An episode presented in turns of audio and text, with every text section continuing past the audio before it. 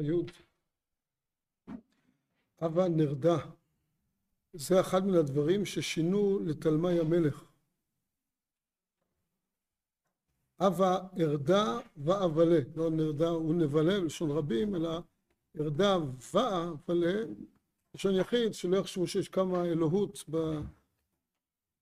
בסיפור של תלמי המלך שלקח שבעים חכמי ישראל, שמו כל אחד בחדר לחוד, לא סיפר להם למה לוקח אותם וביקש שיתרגמו לו את התורה ולבדוק, לראות אם כולם יתרגמו אותו דבר, באמת נעשה נס וכולם תרגמו אותו דבר למרות ששינו כל מיני שינויים כמו השינוי הזה כמו שכתוב שמונה עשר שינויים, כמו שכתוב שעשרה שינויים כמה שינויים שהם עשו, על כל פעמים כיוונו כולם לאותו שינוי וזה אחת הדוגמאות, תכף נראה מה המדרש עושה עם זה גם הלאה. ונבלה שם שפתם, אמר רבי אבא בר כהנא, משפתם אעשה נבלה. אב אחד מינון אמר לחבר'ה, הייתי לי קולב, תביא לי קרדום, והוא אבי ילד מגרופי, והוא הביא לו מגרפה במקום קרדום, אב ומחי הוא פצע מוחי, עם המגרפה נתן לו על הראש, פצע את מוחו. דאוד הכתיב, משפתם אעשה נבלה, כן, נבלה שם שפתם, משפתם אעשה נבלה. ויפץ השם אותם משם, רבי יהודה ורבי נחמיה. רבי יהודה אמר, הלכו להם בני צור לצידון ובני צידון לצור, מצרים תופסה לארצו.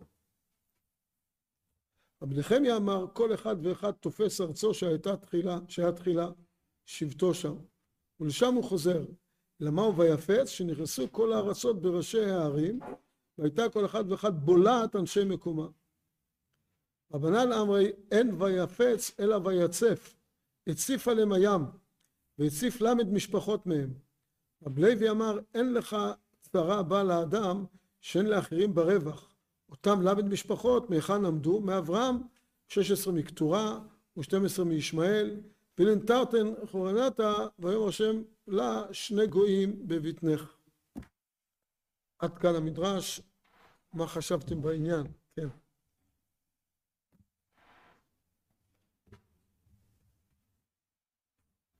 כן.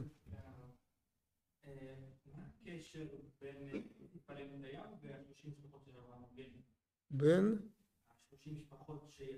ויצף. אז אנחנו אומרים, מה שכתוב קודם כל במדרש, אין לך דבר כזה שהפסד שאין איתו אחר כך רווח. אז שלושים משפחות נספו בהצפה הזאת שהייתה של הים, והם עמדו אחר כך אצל אברהם, מקטורה, בני ישמעאל, עמדו שלושים משפחות. כלומר שהיה רווח, מהצד השני היה רווח מזה, זה פשט המדרש. כלומר שאין ירידה בעולם הפסד שאין לעומתו רווח. בסופו של דבר הכל יוצא מאוזן. כן. כן. כן, אז יש תשובה אחת במדרש, ויש פרק רבי אנחנו תכף נדבר על זה.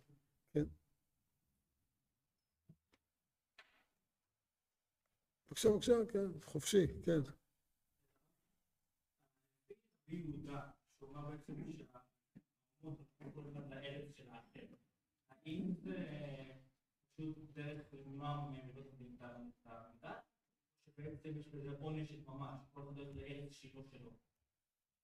שכל עם הלך לארץ אחרת, טוב, נדבר על זה, רבי יהודה ורבי נחמיה, אם זה קשור למחלוקת, ראינו במדרש לפני כן גם כן רבי יהודה ונחמיה, נראה שזה קשור, על כל פעם זה, זה נקרא ויפץ אותם השם, שהם לא במקום שלהם, אלא זה חלק מה, מהעונש שלהם, שהם כל אחד מגיע למקום אחר, ואז צריכים להתחיל לבנות, לחשב מסלול חדש, כן, בחיים שלהם, להתחיל לבנות מציאות חדשה, שזה בעצם המגמה. כי מה שהיה עד עכשיו היה גרם לשלילה, כן.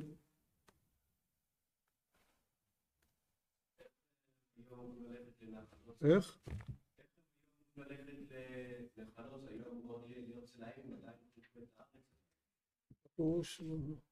עדיין לא היו מקומות בעולם שמיועדות לצידון. היה, למה? היו מקומות. צור, אתה רואה פה צור צידון, לא יודע אם ביירות היה, אבל צור צידון היה, ומקומות שהם היו שם, והיו לפני כן. שדה בין רבי יהודה לרבי נחמיה, הם הגיעו לאותם מקומות שהם היו, מקומות אחרים, היו מקומות, למה לא היו מקומות? לא משפחות, למה? היה משפחות, והיה גם כל הארץ שפה אחת זה לא סותר, היה שפה אחת ודברים אחדים, זה לא סותר שהיו כבר בחינה מסוימת של עמים, לא עמים ממש בצורה הזאת של מלחמות והתנגדויות ושפות אחרות ותרבויות אחרות, אבל היה התקבצויות של, של קבוצות, של עמים, מה זה עמים? תקרא לזה חמולות, חמולות גדולות, אבל היה כבר התקבצויות, זה, זה טבעי גם, גם כמו שהיום בישראל, עם ישראל זה עם אחד, או 12 שבטים, וגם יש ערים, יש כל מיני צורות של התקבצויות של אנשים, גם כשלא מחולקים לעמים. זו הייתה החלוקה לפני כן.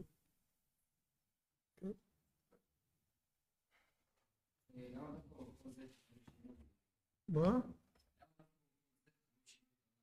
למה דווקא במקום הזה? לא, לא שמעתי טוב. מה השינוי? בין רבי יהודה לרבי חמיה, תכף נדבר על זה. תכף נדבר על מה ש... מה קרה, מה היה השינוי שחל בעצם בעניין.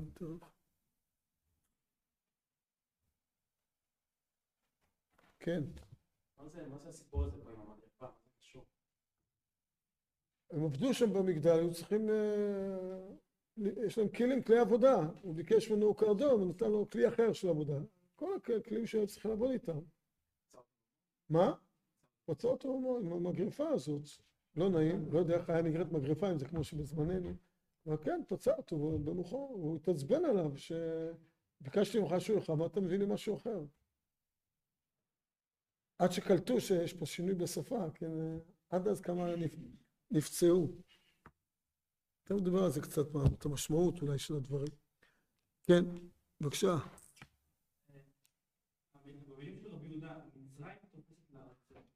זה, יש פה הרבה ביאורים מה זה המצרים, תכף נדבר על זה. כן. טוב, אז בואו נראה. ראשית, תלמי המלך נראה שקשור קצת להמשך, שזה מעורר את השאלה, כמו שנשאלה השאלה, לכאורה כתוב, אבא נרדה ונבלה שם, זה בלשון רבים. למה באמת התורה אמרה לשון רבים? אז המדרש שלנו דורש שנבלה לשון נבלה. זה בעצם תשובה לשינוי של התורה, שהתורה כתבה נבלה כדי לרמוז שבעצם זה גרם להיות, לעשות אותם נבלות.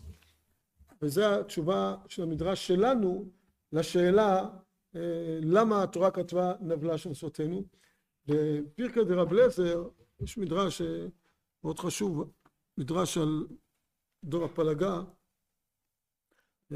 פרק כ"ד, פרקא דרב לזר יש מדרש, ושם המדרש אומר, רבי שמעון אומר, קרא הקדוש ברוך הוא לשבעים מלאכים סובבים את כיסא מלכותו, ואמר להם הקדוש ברוך הוא בואו ונרד ונבלול שם שבעים גויים ואת שבעים לשונות. בואו נעשה שבעים מלאכים, כל מלאך יהיה שר של איזושהי אומה שנבלל אותם, שנערבב אותם.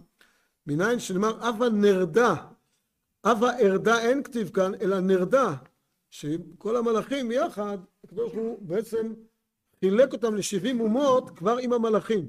המדרש ממשיך, והפילו גורלות ביניהם, שנאמר בהנחל גויים בהפרידו בני אדם, יצא גבולות טובים מספר בני ישראל, אז בהנחל גויים בהפרידו בני אדם, כי חלק השם עמו, יעקב חבל נחלתו, זה משהו, גורלות, חלק השם, חבל נחלתו זה לשון של גורל, חילקו גורלות, ונפל גורלו של הקדוש ברוך הוא על אברהם ועל זרעו. כלומר, כי חלק השם עמו, יעקב חבל ונתחו.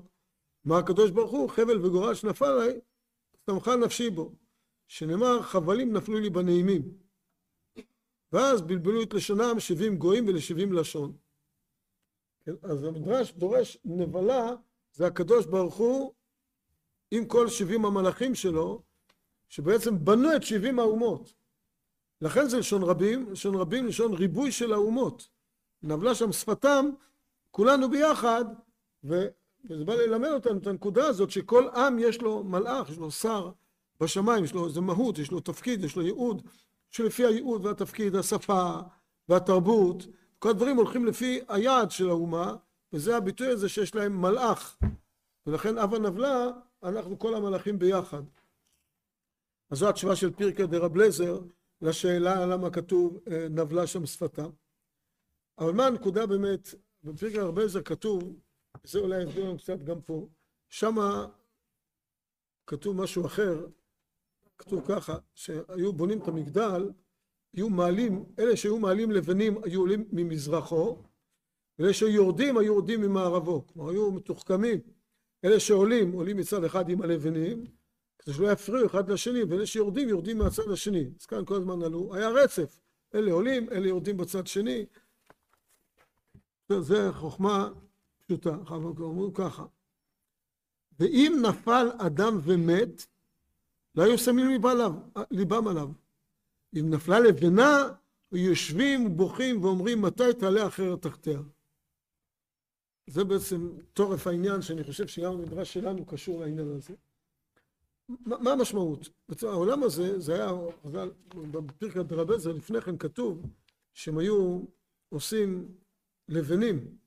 פנחס אומר, לא היו שם אבנים לבנות את העיר, ומה היו עושים? היו מלבנים לבנים ושורפים אותם כיוצר שבונה את הדברים, שנאמר בביטוי הזה שכתוב לשרפה לשרפה, נלבן לבנים לשרפה לשרפה. זה בעצם היה דור, הזכרנו את זה כמה פעמים, ופה פרקי זה אומר את זה, ונדמה לי שבמדרש שלנו יש רושם לעניין. היה דור של התפתחות מדעית מדהימה, להמציא את האבן. המציאו את האבן, לבנות מגדל, לפני כן כתוב במדרש, בפרקת דרב לזר, מה הקדוש ברוך הוא יפיץ אותנו? נבנה מגדל, שהרי אין כוחו של הקדוש ברוך הוא אלא במים. נבנה מגדל ונראה אותו, שיעשה מים, אנחנו נשב בתוך המגדל ואז המים לא יזיקו לנו. כלומר, ההתפתחות המדעית העבירה אותם על דעתם ועל דעת קונם, והבינו שיש להם עוצמה, יכולים הכל לעשות. וזה הביא אותם לנקודה הזאת שהמדע וההתפתחות, הטכנולוגיה, התפתחות העולם, הייתה יותר חשובה להם מהחיים של בני אדם. נפל אדם ומת, בסדר, לא קרה שום דבר. לבנה נפלה, מה משהו בטכנולוגיה שלנו בעייתי, זה נורא ואיום, זה עוצר את העולם. לבנה, בסדר. הפוך, בן אדם, בסדר. כלומר, בעצם היה אכפת להם, וזה מה שהמדרש רוצה לומר, שהאכפת להם היה מהמגדל ומהעוצמה שלהם יותר מאשר מבני אדם. ובעומק בעומק זה היה רשעות כבר בבנייה. כלומר הפירוד כבר היה מונח בבנייה של המגדל. זה שאחר כך הם נפוץ על פני כל הארץ זה כבר תוצאה של עצם הפירוד שהיה ביניהם, כיוון שהדגל שלהם לא היה הדגל של השם אחד, אלא שפה אחת ודברים אחדים, זה מתכון לפירוד.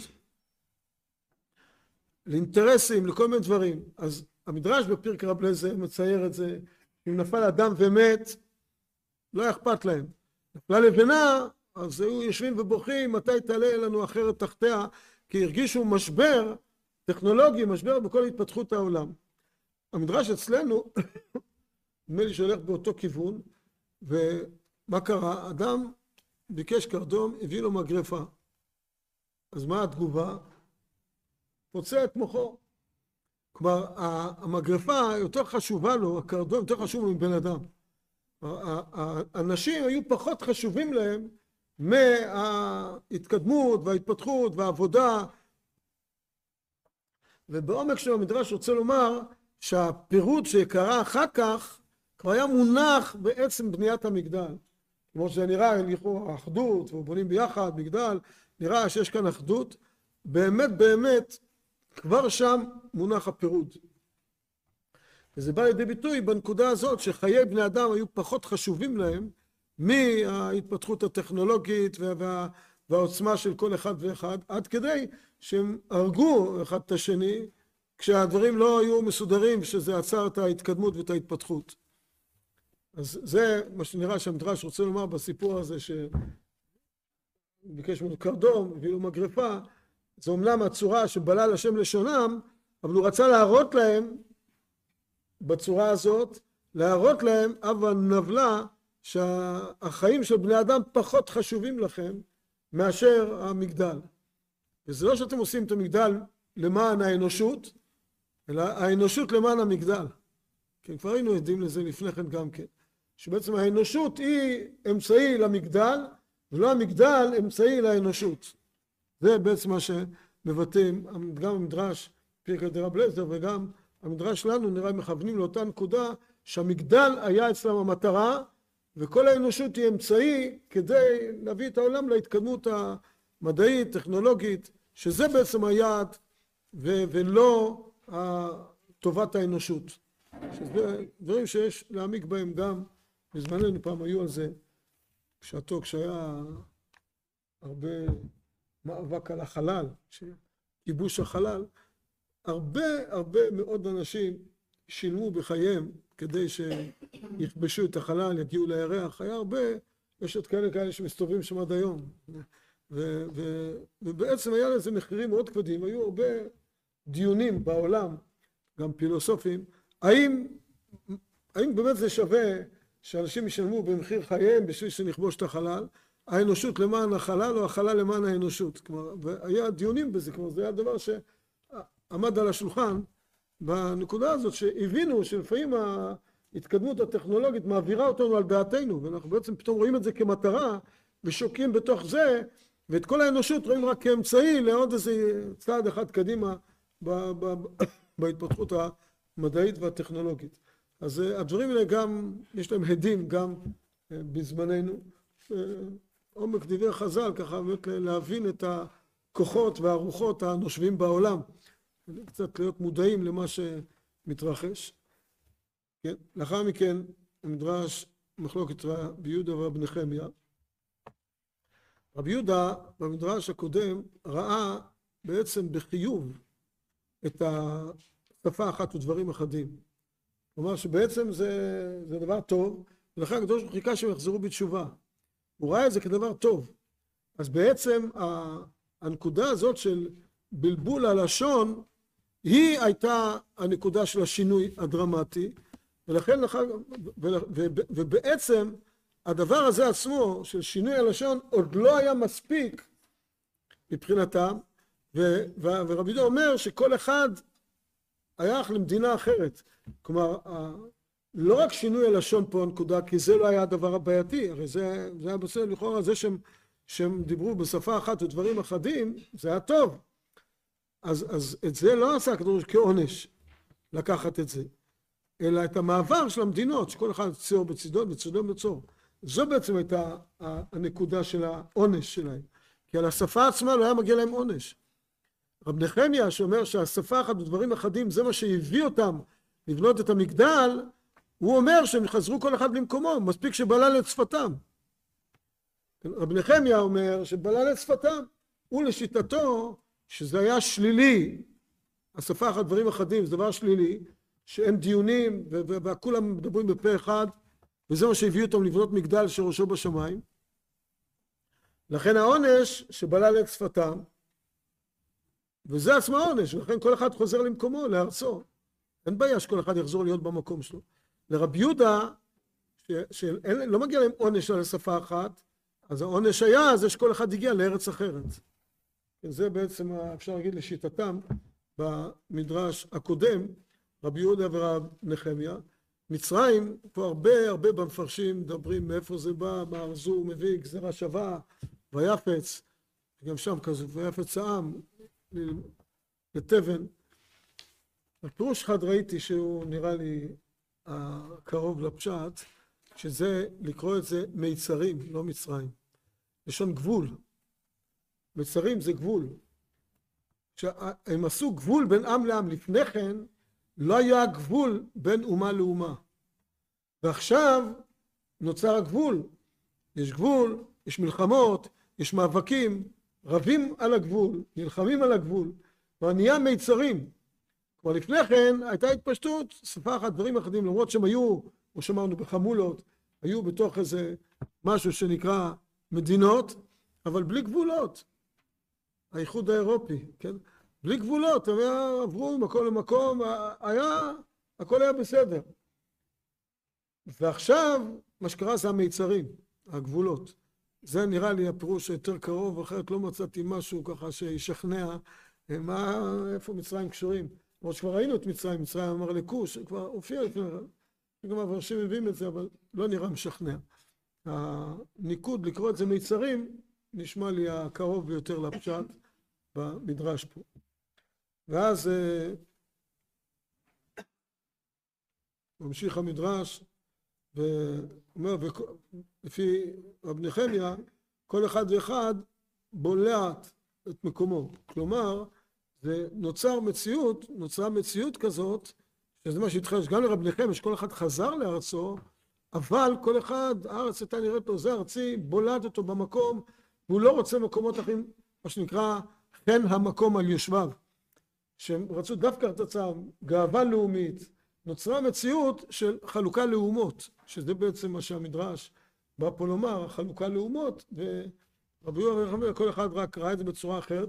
בגדול, יש כאן גם קצת אה, לימוד בפסוקים. בפסוקים כתוב, ומשם הפיצם השם על פני כל הארץ, ויפץ אותם השם על פני כל הארץ. כתוב פעמיים, כתוב הביטוי הזה, ויען שפתם ויעצתם על כל הארץ, ומשם הפיצם על כל הארץ.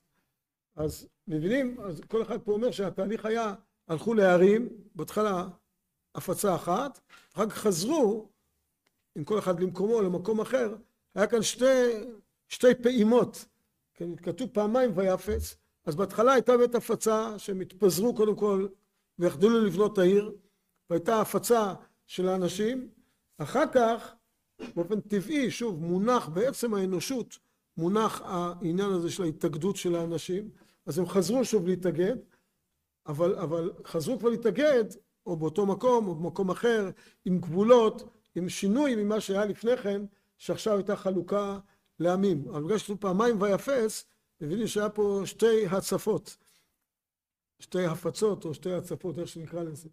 האחת היה, בפגש שהתפזרו כולם, חדלו לבנות את המגדל, ואחר כך בצורה של מיצרים ומדינות, חלוקות, עמים, של מלחמות ומאבקים בין עמים על גבולות, שבעצם זה מה שהפרשה פה באה ללמד אותנו, סתם שנבין. הזכרנו את זה דווקא עכשיו, ככה תוך כדי מלחמה, זה עוד יותר עולה, שנבין שכל הנושא הזה של עמים זה חידוש אלוקי שאנחנו כבני אדם לא היינו מעלים על דעתנו לייסד דבר כזה. מאיפה מגיעה מציאות? בעצם כל פעם שאני חושב על זה אני מתפעל מזה מחדש. מאיפה מגיעה מציאות כזאת של עמים שונים שנלחמים אחד בשני? מה... זה כזה סבל, כל כך קושי, למה? למה לעשות את זה? מה, מה הבעיה שלכם לשבת כל אחד במקומו, בכיף, בשלום, בשלווה, קורד עם אשתו, עם הילדים שלו? מה, מה בא לכם פתאום להילחם? על מה? על מה המלחמה? אין דבר שווה להילחם עליו. כל דבר אפשר להשיג אותו בצורה נעימה של דיבורים. זה דבר שהוא באמת הזוי לגמרי. וזה מה שכתוב, מלחמות אני עשיתי, אומר הקדוש ברוך הוא. זה משהו, המצאה אלוקית, שהיא תוצאה של דור הפלגה. שכשכל העולם חושב אותו דבר, מגיעים לטמטום הכי גדול שיכול להיות בעולם. לבנות מגדל, ראשו בשמיים, להילחם הקדוש ברוך הוא. זה הדבר הכי נורא, שכולם צריכים להגיד אותו דבר ולחשוב אותו דבר. זה מביא לעיוותים הכי גדולים. והבירורים נעשים בין עמים, בין קבוצות, במחלוקות, במלחמות, זה קשה, אבל זה מה שיוליד אותנו בסופו של דבר להגיע אל האמת. זו הצורה של הבירור של מי באמת הולך בדרך נכונה ומי הולך בדרך לא נכונה. והבירור הזה נעשה בדרך הקשה, זה מה שהעולם רצה. העולם, במקום, הקדוש רצה שזה יהיה הכל בכיף.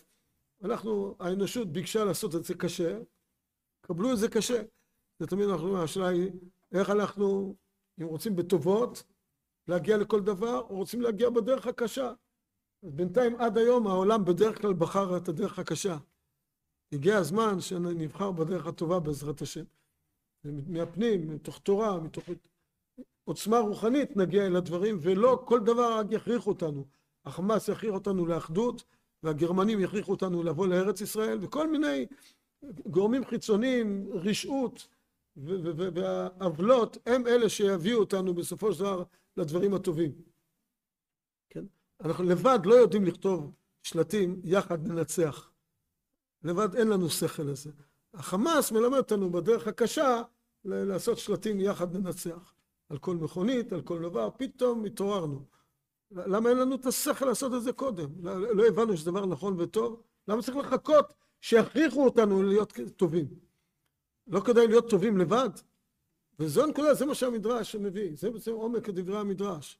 שאתם לא רוצים בדרך הטובה, תהיה דרך אחרת, אז דרך של מלחמות. כל המטרה של פרשת דור הפלגה זה להביא אותנו להבין מאיפה נולדה, נולדה האיוולת הזאת, הטיפשות הזאת של שעם עם שנלחם בעם, מפר את השלווה ואת הכיף ואת התענוג שלו, והולך להילחם ולעשות את הדברים הכי גואליים שיש. מאיפה זה בא לעולם? וזה אנחנו בחרנו בדרך הקשה. האנושות בחרה בדרך הקשה, ושוב, הלקח העיקרי שאנחנו צריכים ללמוד מזה, זה הגיע הזמן שנבחר בטוב. אז זה המדרש, והסיום של המדרש זה שהציף, אל תקרא ויפץ אלא ויצף, הוא הציף את העולם, וביטוי מיוחד, שאין צרה באה לאדם שאין לאחרים ברווח. לעולם, נקודה יסודית אלוקית, אין מציאות של צרה שלא יוצא מן הטובה. אין דבר כזה שמשהו לא לטובה. טוב השם לכל ורחמיו על כל מעשיו. הודו להשם כי טוב, כי לעולם חסדו. כי טוב השם לעולם חסדו, והדור והדור אמונתו. אין מציאות של רע שלא יוצא ממנו טוב. וזה מה שלומדים אותו. אין צרה הבאה לאדם שאין מזה רווח במקום אחר. והכל בסופו של דבר לטובה, וכך צריך להתייחס, לכן זה העומק דברי המשנה, שחייב אדם להודות על הרעה כשם שהוא מודה על הטובה. וקיבלונו בשמחה, אומרים חז"ל, כשם זה בשמחה, כי להבין שבאמת יצא מזה טוב. טרגדיה נוראית, שלושים משפחות שנאבדות מן העולם. אז זה, זה באמת דבר נוראי. אין צרה בה שאין בזה רווח אחר, וזה הגיע, הרווח היה פה באברהם אבינו, אה, בצורה שאברהם אבינו השלים את הבחינה הזאת. וכל פעם רק זה עצם ההסתכלות, הפתגם הזה, שאין צרה באה לאדם אם אין בה רווח במקום אחר, שזה לימוד חשוב אה, לזכור ולדעת אותו.